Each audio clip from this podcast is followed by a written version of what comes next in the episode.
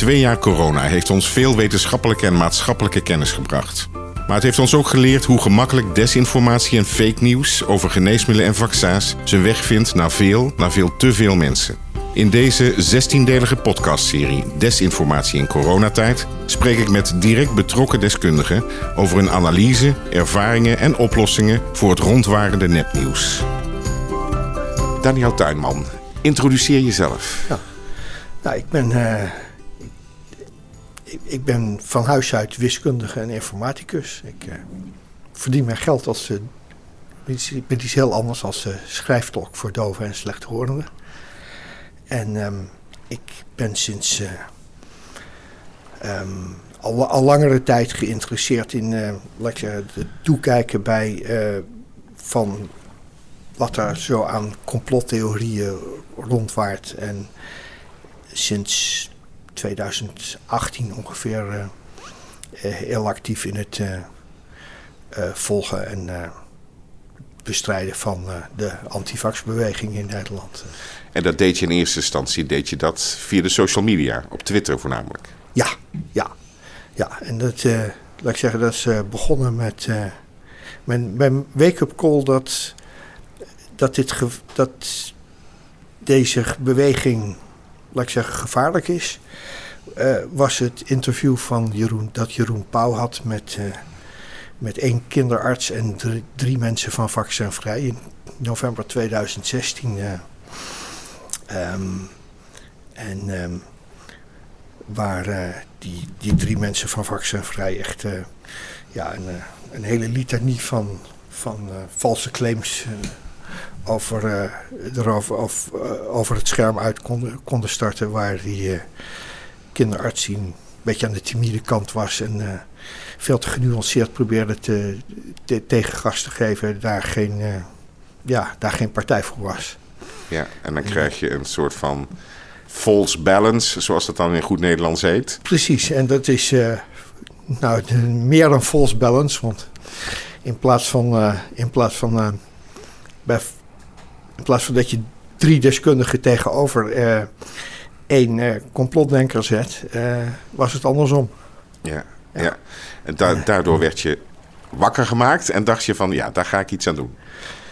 Ja, toen die nog niet toen direct, maar een tijdje later was er een, een artikel van in de NRC van Rosanne Hertzberger. En ik plaatste wat opmerkingen daaronder op, op, op Facebook. En uh, dat bracht het balletje zo een beetje aan het rollen. Dat, uh, nou, je maakt wat rake opmerkingen. En voor ik het weet zat ik in een Facebook discussiegroep. En, en van het een kwam het ander. En toen werd het 2020. En toen werd het 2020, ja.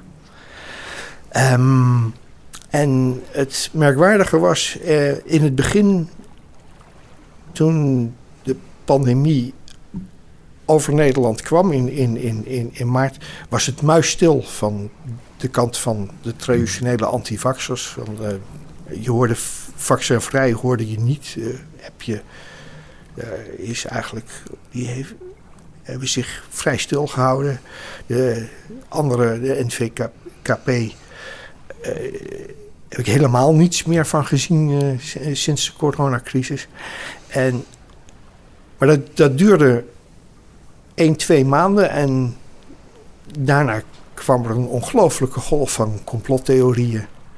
En um, kwamen er ook allerlei nieuwe mensen op, opzetten. Of oude mensen die terugkwamen. Zoals uh, Jeannette Ossenbaard. Die had er uh, een enorme uh, succes met, met haar complotvideo's. En nou ja, daarna kreeg je Willem Engel. En, ja. ja. En toen dacht je van, ja, dit is te veel wat ik aan het schrijven ben voor alleen Twitter. Ik ga een, eh, een website uh, beginnen. Daniel Debunked, werd dat? Ja. Uh, ja, nou, die is, die is begonnen omdat uh, nou, iemand anders die, die, die, hoe het, die website host, die bood me aan van uh, ik, ik wil wel een website voor, voor je hosten. Dat, waar je al die mooie Twitter draadjes die je nu maakt op kan bewaren. Ja. Dus dat, en dat is maart vorig jaar van start gegaan. En, en inmiddels is het een behoorlijk archief geworden van allerlei complottheorieën en Ja. de debunks die, je daar, eh, die je daar. Wat drijft je om dit te doen? Want het is natuurlijk niet je werk oors- oorspronkelijk. Het kost ongelooflijk veel tijd om dat te doen. Ehm, wat mij drijft is dat ehm, ik vind het. Ik vind dit soort. Deze complottheorieën vind ik gevaarlijk. Eh, Ze zijn gevaarlijk voor de volksgezondheid, voor de gezondheid van individuele mensen. En ehm daar moet. eh, eh, En- en- er moet en iemand, je- iemand moet, die, mo- moet, moet die complottheorieën en al die valse claims ontzenuwen. En- Ja. Maar als je zegt gevaarlijk, dan bedoel je echt hierdoor zijn mensenlevens in gevaar. Ja. ja. Ehm, en als jij zegt van iemand moet die complottheorieën eh ontzenuwen, dan Mhm. betekent het ook dat andere instituties of de overheid of beroepsverenigingen van artsen, dat die niet in staat zijn om dat te doen. Ehm, niet of niet voldoende in staat zijn, inderdaad. En eh, ik denk dat. eh, je, je hebt in je vorige serie al een paar mensen als. eh, Aliette Jonkers en Rudy Bauma en Katrien de Jong, die zich daarmee bezighouden, ehm, eh, hier aan tafel gehad. Maar het is. Wat, wat er uitgestort is, is, is te veel voor, voor inderdaad eh, de normale journalistiek. En, En en hoe kom jij aan je informatie? Want dat is dan natuurlijk de volgende vraag. Hè?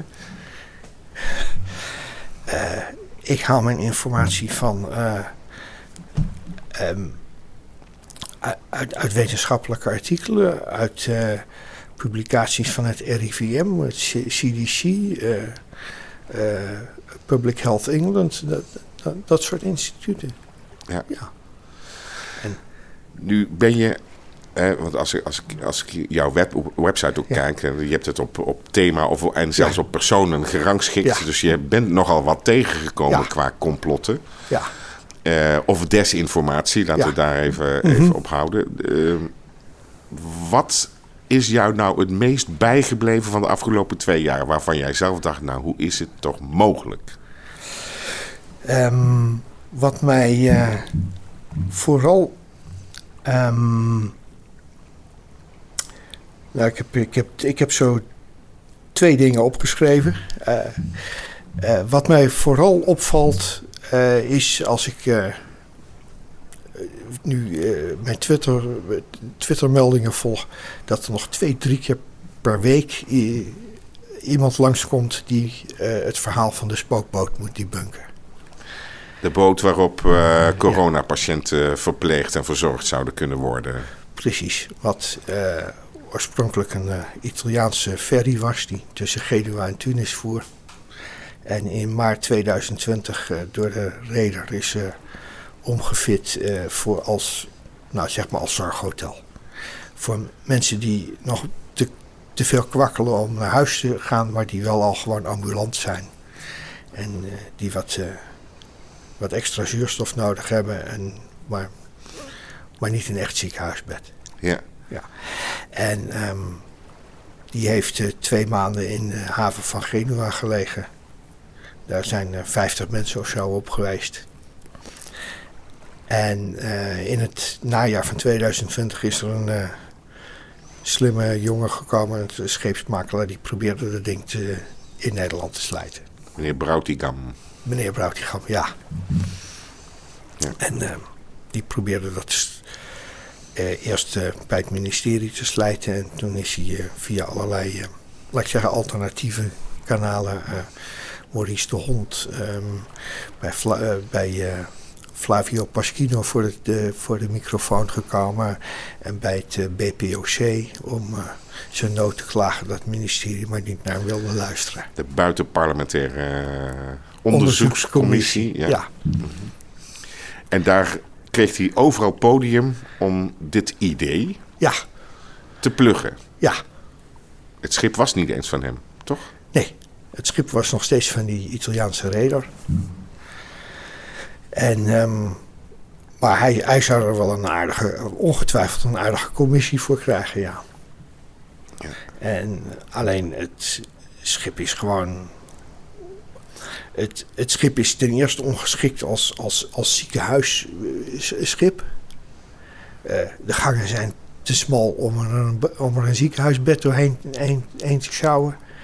Eh, dus, eh, je kan er geen apparatuur aan, boord stallen. Ehm, als, als je het schip in de Rotterdamse haven legt, dan, eh, dan geeft het een enorme uitstoot. Daar hadden ze in Genua al eh, klaagden ze er al over. Want die scheepsmotoren blijven de hele tijd maar draaien. Eh, en, ehm, en bedden en apparatuur is, niet echt, is nooit echt het probleem geweest. Die kun je wel bijkopen. Het grootste probleem is geweest dat er op de IC geen, geen capaciteit was aan, eh, aan personeel. Geen, niet Ja. genoeg op, eh, opgeleid personeel. Maar er werd gesuggereerd, dan halen we wel wat verpleegkundigen uit de Filipijnen of uit een of andere andere exo- exotisch oord. Ja, en da- daar zijn twee dingen. ten, ten eerste, ehm, die, zijn die mensen wel opgeleid volgens Nederlandse standaarden. Ten tweede, een, iemand uit de Filipijnen die Spaans spreekt. eh, hoe lang duurt het voordat hij een beetje Nederlands kent? Om met eh, de collega's te kunnen overleggen. En een derde ding, is dat niet heel erg asociaal tegenover de Filipijnen? Daar hebben ze ook COVID. Het, was, het was natuurlijk een enorme zeepbel. Het was een enorme zeepman. Ja. En er is nog een ander aspect dat ik daarbij wil noemen. Is, ehm, eh, mensen gebruiken dat als een wapen om te zeggen: we hebben de gezondheidszorg verwaarloosd. We hebben veel te weinig IC-bedden. Maar als je kijkt, dan hebben we de afgelopen tien jaar altijd tussen de 1000 en 1200 echte IC-bedden gehad. En is daar nooit echt in gesneden. En ten tweede zou dat ook niet echt helpen. Eh, je kan de IC-capaciteit wel verdubbelen, maar als je op het moment dat je met corona zit en in het begin de oorspronkelijke corona had, had een eh, reproductiefactor van iets over de 2. En zelfs al zou je het aantal IC-bedden verdubbelen, dan betekent dat het aantal benodigde bedden voor coronapatiënten, als je niks doet, binnen, binnen een week is ook je aantal Extra bedden is gebruikt. pre- precies. Ja. Ja. Ja. Dus eh, je, je koopt jezelf een week uitstel misschien. Maar je hebt er vast over nagedacht. Waar komt nu zoiets vandaan? Want, kijk, je kunt natuurlijk beweren dat uit oprechte zorg voor de belasting van de, eh, eh, van de IC's in de Nederlandse ziekenhuizen zo'n idee ontstaat. Ehm, of zeg je van nee, hier is, hier, dit heeft allemaal niks met oprechte zorg te maken, hier is iets anders aan de hand. Ehm, ik denk dat van eh, de heer Broutigam eh, daar niet zo erg veel oprechte zorg van sprake is. Hij probeert geloof ik nu hetzelfde eh, schip te slijten om eh Oekraïnse vluchtelingen op te herbergen. Oké, daar zijn de gangen dan wel breed genoeg voor. ja, ja, Ja. ja. Maar om aan te geven dat, ja, de, eh, ik denk dat de, de centjes voor hem een grotere drijfveer waren. Nu, Maar zei, nu zei je, ik heb twee dingen opgeschreven. Dit was er één van. dit was er één, ja. Wat was de tweede? Eh, de tweede die ik heb opgeschreven is ehm, het, eh, de algemene tendens die je ziet dat mensen roepen op het moment dat je zegt van nou, ehm, eh, vaccin helpt voor 80, pro- eh, helpt het aantal ziektegevallen bij de Delta variant met 80% te, verm- te verminderen. En we weten niet precies hoeveel het transmissie eh, vermindert. Dat mensen dan gelijk roepen van... zie je wel, het vaccin werkt niet, dus waarom zou je het doen? En ehm, dat is een, eh, een, al- alles of niets benadering... die je de hele tijd ziet bij coronacritici. Uh, als er maar zo'n klein beetje misgaat, dan wordt dat uh, enorm uit proportie opgeblazen. Uh, net zoals dat ze graag opblazen um, dat er zoveel doden of zwaar zieken zouden zijn na vaccinatie. Terwijl ze vergeten hoeveel doden of zieken COVID veroorzaakt. Ja. En, en dat is bij elk vaccin um, is. Uh, elk, uh, niet alleen bij COVID, maar alle, eigenlijk alle vaccins daarvoor ook, is de balans heel duidelijk. je hebt het over ordegroottes meer dat het aantal. Um, um, dat het aantal zieken en doden ten gevolge van de ziekte orde groottes meer is. Dus 10, 100.000 keer groter. Ja. Dus de, de, het bezwaar was, als het niet 100% werkt, dan werkt het dus niet. Ja, ja. Nu, wat daarbij opvalt, overigens, is, want ik denk in zijn algemeenheid, het is heel goed om te kijken naar, of kritisch te kijken naar die vaccins. Hè? Dat, Natuurlijk. Dat is, dat, dat is, wat de vaccins zijn natuurlijk snel ontwikkeld. Daar is alle capaciteit op gezet. Ja. Dus heel zorgvuldig gekeken van wat, wat zijn de mogelijke risico's. Mhm. Maar je weet het pas wanneer het uh, in real life door heel veel mensen tegelijkertijd mhm. gebruikt gaat worden. En dan weet je ook nog dat het in eerste instantie aan de meest kwetsbare groepen gegeven wordt. Dus dan moet je ook nog heel zorgvuldig gaan kijken van wat is nou, ja. wat gebeurt er nou met, die, met die mensen. Dus ik denk, het is heel goed om daar kritisch naar te kijken. Wat mij dan zo opvalt, is dat hoe kritischer er naar die vaccins gekeken wordt, zo niet kritisch is men vervolgens naar allerlei beweringen over geneesmiddelen die iets zouden doen. Ja. Dat krijg ik niet met elkaar in, in balans. Hoe werkt, hoe werkt dat bij complotdenkers? Jij hebt je erin verdiept.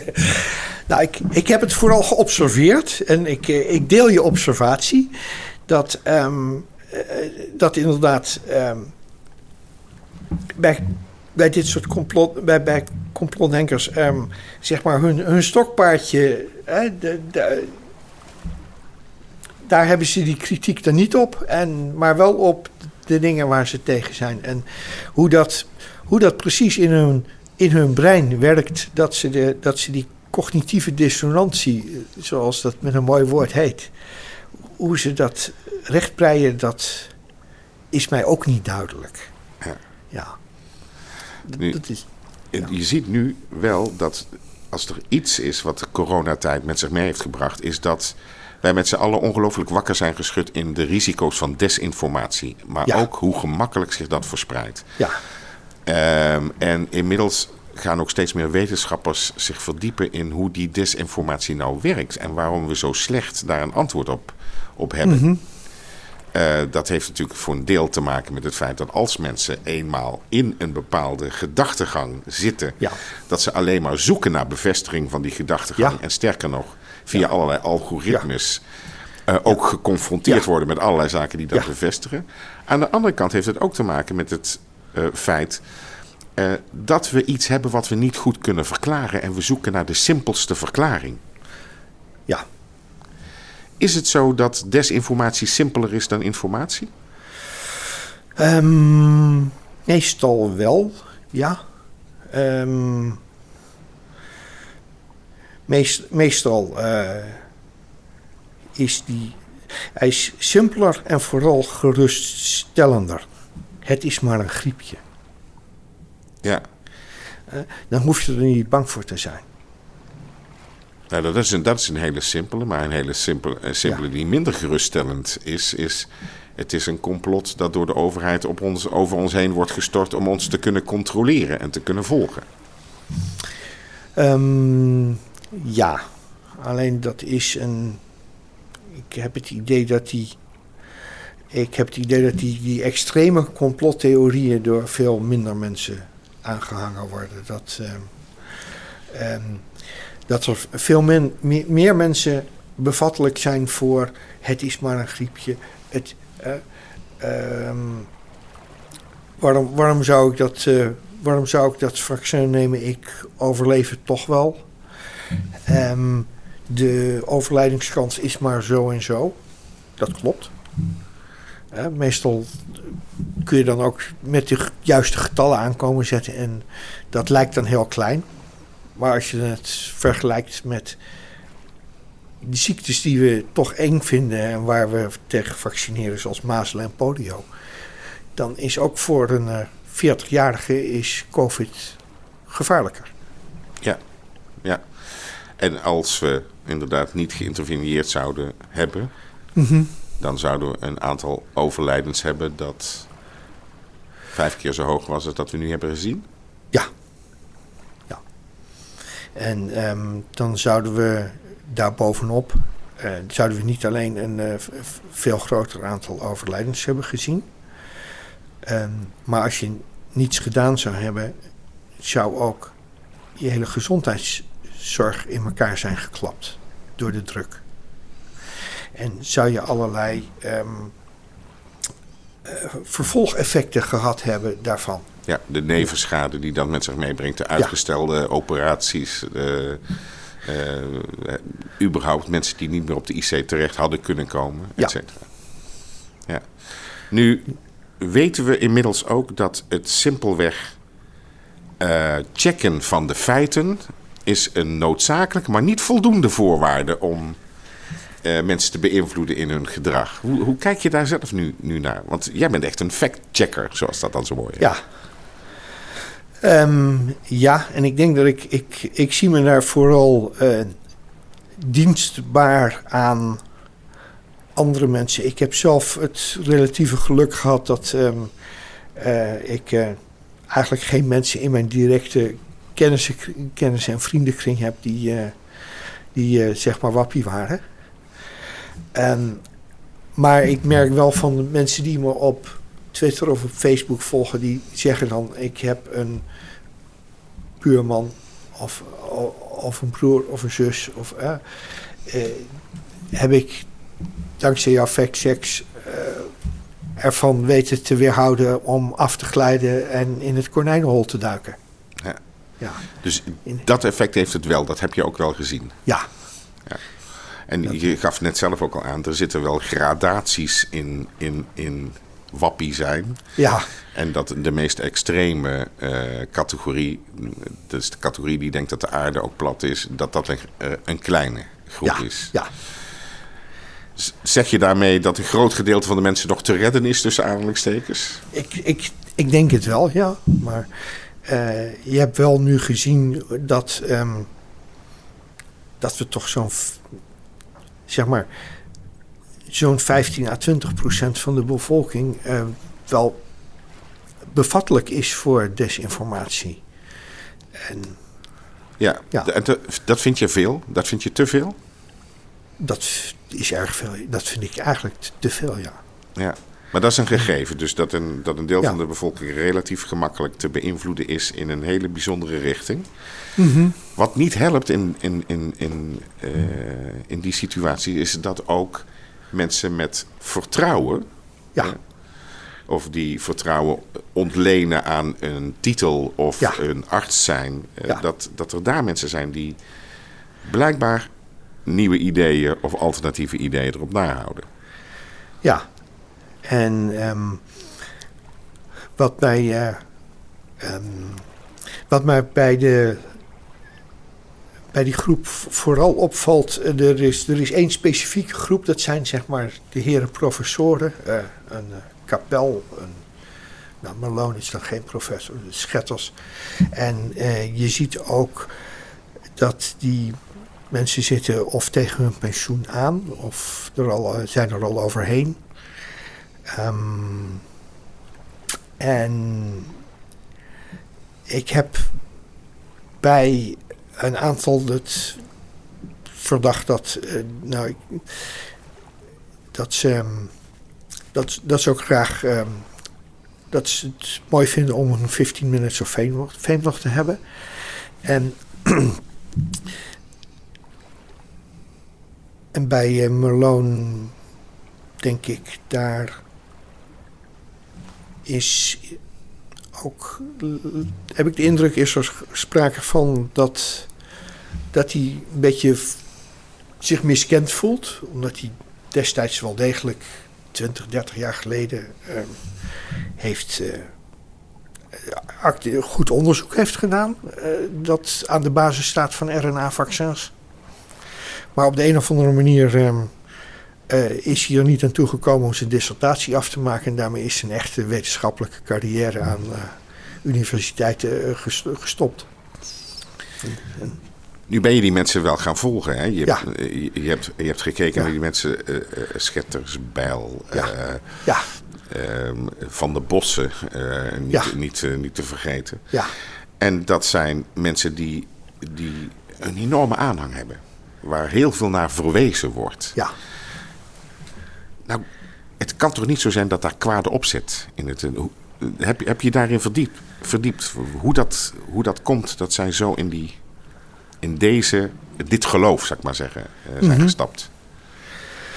Um, dat. Uh, ik heb dat. Ik heb dat. Daar wel geprobeerd dingen te analyseren. Um, ik heb. Uh, maar. Um, ik, ik, ik, wat ik net zei, ik denk dat er verschillende dingen meespelen. en dat dat varieert van inderdaad miskenning tot um, dat die mensen een mogelijkheid zien om. Uh, Nog nou, even in de belangstelling te in, staan. Even in de belangstelling te staan. Ja. Want uh, als je. Als je aan de, serieus, aan de kant van de serieuze wetenschap gaat staan, dan ben je een van de honderdduizend, zullen we maar zeggen. En, ja. En toch lopen die mensen ook een enorm risico. Want je loopt ook het risico dat je de risé van je eigen beroepsgroep wordt.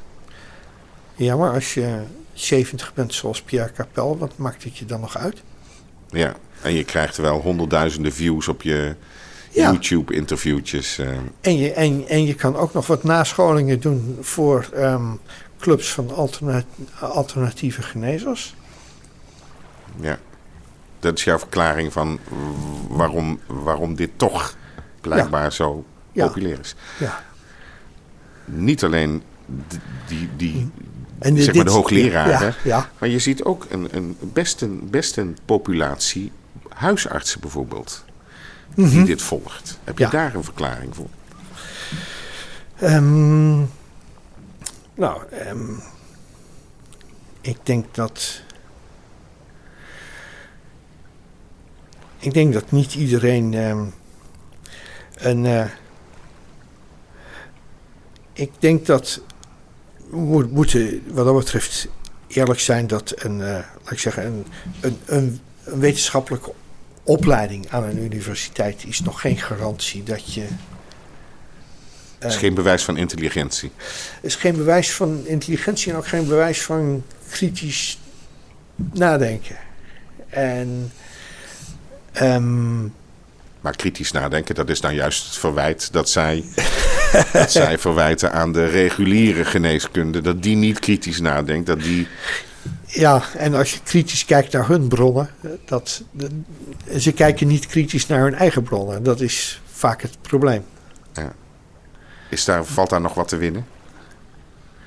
Moet de beroepsgroep zich duidelijker uitspreken, bijvoorbeeld? Want die houden zich eigenlijk relatief rustig. Ja, ik, uh, ik denk dat de beroepsgroep daar veel, veel du duidelijker in moet zijn. En uh, eventueel ook de, de inspectie. Uh, ik, um, ik kan er ergens met mijn verstand niet bij dat. Um, er zijn een paar die he heel erg wappie uitspraken hebben gedaan, zoals Elke de Klerk. die zegt dat als je, je als je vaccin neemt, dan word je eigendom van Microsoft. Nou, ja, dan is er iets aan de hand met je. Ja. Dan is er iets aan de hand, ja. ja. Uh, maar zo iemand is nog, heeft nog steeds een artsinschrijving. Ja. ja. Even langs een andere kant. Ja. Je bent daar twee jaar mee bezig ja. geweest. Uh, wat heeft het met jezelf gedaan? Ik ben, ik, je hebt ook heel veel reacties gekregen, ook niet de meest positieve. Nee, ik, uh, ik heb uh, ook wel eens een bedreiging gekregen op Twitter, ja. En um, daar schrik je dan wel even van. En um, ik, aangezien ik er al, al eerder mee bezig was en ehm, dus al gewend was aan felle reacties van antivaxers, ehm, ehm, heb, ik daar, heb ik daar al een redelijk uh, stevige huid, uh, had ik die al voor. Dus. Wat, wat, is het meest extreme wat je, wat je gelezen of gehoord hebt? Um, nou, ik, uh, ik heb op, uh, op één uh, klachtbrief die ik geschreven heb over een ambtenaar van het VWS die nogal afwijkende dingen schreef op, op LinkedIn. daar heb ik een paar honderd reacties op gekregen dat ik NSB'er was. En. Um, daar, daar hebben een paar paar keer uh, zijn er mensen geweest die, die hebben mijn adres en of mijn telefoonnummer op Twitter gezet. En werd er vervolgens ook gebeld? Nee, gelukkig niet. Er is ook nee, niemand aan de nee, deur geweest? Nee. Je hebt ook geen aangifte hoeven doen? Ik, um, ik heb tegen, tegen één dame heb ik aangifte gedaan. En ik, ik heb nog een paar die ik, waarvoor ik aangifte wil doen. Gewoon niet dat ik echt veel echt denk dat, dat de politie daar iets mee echt gaat maar, doen. Want waar, waarom wil je dat dan doen? Ik wil dat toch even genoteerd hebben. Ja, ja. En gaat het dan om bedreigingen of gaat het om... Ja. Ja. Je, je bent er even wat, wat ja. vaag over. Je wil daar nog niet te veel nee, over, nee. over zeggen. Oké. Ja. Um, want natuurlijk, kijk, als, er, uh, als je adres gepubliceerd wordt en je telefoonnummer gepubliceerd wordt, dat is natuurlijk verschrikkelijk, want dat, Mhm. is, uh, dat zijn je privégegevens, Ja. dat wil je niet. Ehm, nou is dat ook een soort van methode geworden, hè? Dat, doxing, en, eh, Mhm. waarin, eh, waarin men de gegevens van, eh, Ja. van iedereen die voor het tribunaal gesleept moet worden. Ik neem Ja, aan ja. dat dat ook eh, voor je voeten is gegooid. Ehm, als jij nu de gelegenheid zou krijgen om Ernst Kuipers of eh, mevrouw Jezilgus als, als minister van Justitie Mhm. te adviseren welke stappen zou je nou moeten zetten om te voorkomen dat, die, hè, dat dit uit de hand loopt? Want dat risico zit er natuurlijk elke keer in. En dat welk deel uit de hand loopt, Dat, dat, eh, dat die desinformatie leidt tot verdergaande bedreigingen of zelfs, zelfs erger. eh, ja, dat is een goeie. Ehm, ik, ehm, ik denk enerzijds dat het wel mogelijk moet, moet zijn om, eh, zeg maar, eh, anoniem op. eh, ik, ik, zie- ik, zie de, ik zie enerzijds de waarde ervan dat je je a- anoniem zonder eh, dat je gegevens eh, verder. eh, Dat je anoniem op Twitter kunt. eh, dat je anoniem op Twitter kan zijn. Ja. Ehm, maar misschien zou je inderdaad een mechanisme moeten hebben dat ehm, aan de achterkant dat Twitter wel weet wie je bent, Ja. zullen we maar zeggen. En dat, Dat is natuurlijk een luxe standpunt dat wij vanuit een hele liberale samenleving kunnen hebben. ja, Maar dat wil je nou net niet in landen waar heel veel repressie is en waarin nee, mensen monddood eh, gemaakt zijn. nee, nee dat, is, eh, dat is een probleem. Ja, Maar het is een, de anonimiteit. Overigens, anonieme accounts verliezen natuurlijk ook snel aan waarde voor wat, wat, dat, wat dat betreft. Hè? Mhm. Ik bedoel, als Ja. je niet weet wie erachter zit. eh, en ik denk altijd een, een naam met daarachter een hele cijferreeks. Dan denk ik altijd al, oh ja, laat maar, laat maar zitten. ja, ja, precies. Die, eh, Ik vind ook altijd heel, heel eh, fraai het aantal eh, accounts op Twitter dat net iets meer dan 5000 of net iets meer dan 10.000 volgers heeft. Dan denk ik ook van, eh, wat heeft dat gekost, die, die, die 10.000 volgers? oh ja. En die, Ja. en, die, en die 14 of die 140 extra, die, eh, die heb je dan blijkbaar Mhm. wel zelfstandig weten te verwerken. Ja, ja. Dus er zijn wel signalen. En je zou natuurlijk mensen kunnen opvoeden in hoe ga je nou eigenlijk op een, op een goede manier om met de informatie die je via dat die social media kanalen eh, kunt, kunt eh, verwerven. Want er zitten natuurlijk ook heel veel zinvolle dingen bij. Ja. Ja, en wat dat betreft is. eh, is, is, is, is Twitter ook een eh, hele belangrijke informatiebron. Ik bedoel, je, als je de juiste accounts volgt, dan, eh, dan blijf je juist op de hoogte, makkelijker op de hoogte van wat zijn nou de belangrijke eh, wetenschappelijke publicaties. Of, Ja. ja. Ja. En, ehm, dus eh, je, je kan het ten goede en ten kwade gebruiken. Maar ja, je, je loopt het risico inderdaad om in een, in een fabeltjesfuik terecht te komen. Dat, Ja. je, je volgt één wappie en dan die raad je aan een andere wappie te volgen enzovoort. En En voor je het weet, voor je het, ja, is, het een, is het een heel leger, een leger wappies dat je aan het volgen bent.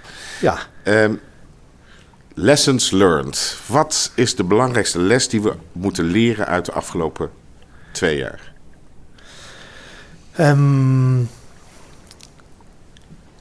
Ehm, wat betreft desinformatie, denk ik dat er heel goed gekeken moet worden. Ehm, en ik, ik heb daar geen antwoord op. Maar hoe je dat zo goed mogelijk als overheid. Niet alleen als overheid, maar ook als medische beroepsgroep en als journalistiek, hoe je dat tegengaat. Ja.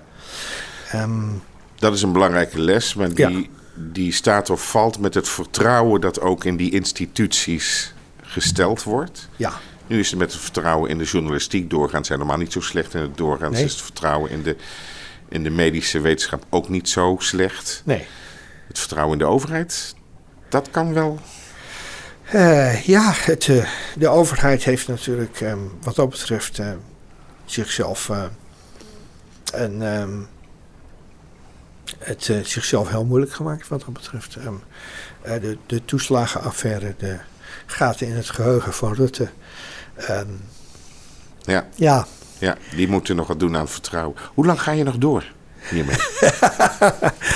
Nou, ik, ik blijf hier zeker mee doorgaan. ehm, en eh, laat ik zeggen, ik, eh, mijn, mijn ambitie is ook om van mijn blog. ehm, ik, ben nu, ik heb nu een paar maanden wat, wat, wat nauwelijks wat ge- gedaan. Maar mijn ambitie is toch wel om er een, eh, van mijn blog een, een fatsoenlijke resource te maken. Dat zowel mensen dat. ehm, van enerzijds, van vo- vooral ehm, eh, informatie over, over vaccins, eh eh, debunken van common, algemeen voorkomende mythes over vaccins. Ja. en anderzijds een, een soort hoe is hoe van, Ja. van antivaccie en van... Kun je mensen leren om te debunken? Ehm, Zou dat niet een mooie opdracht zijn? Dat, eh, dat is een goede om. Die, die neem ik van dit gesprek mee naar huis. Want ehm, ik, heb daar, eh, ik heb daar nooit zo erg bij stilgestaan. Ik denk dat je dat, dat, je dat mensen wel kan leren, inderdaad. Ja. En ik denk ook dat je. Ik denk dat dat een belangrijke opgave is. Want dat is een. We hebben het gehad over medici die. waar. Ehm, waar toch waar weinig zelfreinigend, onvoldoende zelfreinigend vermogen is in, ehm, eh, in mensen die af, om mensen die afdwalen ehm, weer op de rit te krijgen. Ehm, ik denk dat aan de andere kant het, het onderwijs ook goed naar moet kijken. En goed naar moet kijken dat ze ehm, in eigenlijk elke HBO of universitaire opleiding op zijn minst eh, dat er fatsoenlijke cursus, cursussen zijn over leren kritisch te denken. Nou, En dan, moet je, en dan moet je natuurlijk wel de juiste docent voor de klas zetten, want ja, ja, Dit vraagt om een nieuwe carrière. ja. Daniel Tuinman, bedankt voor dit gesprek. Ja.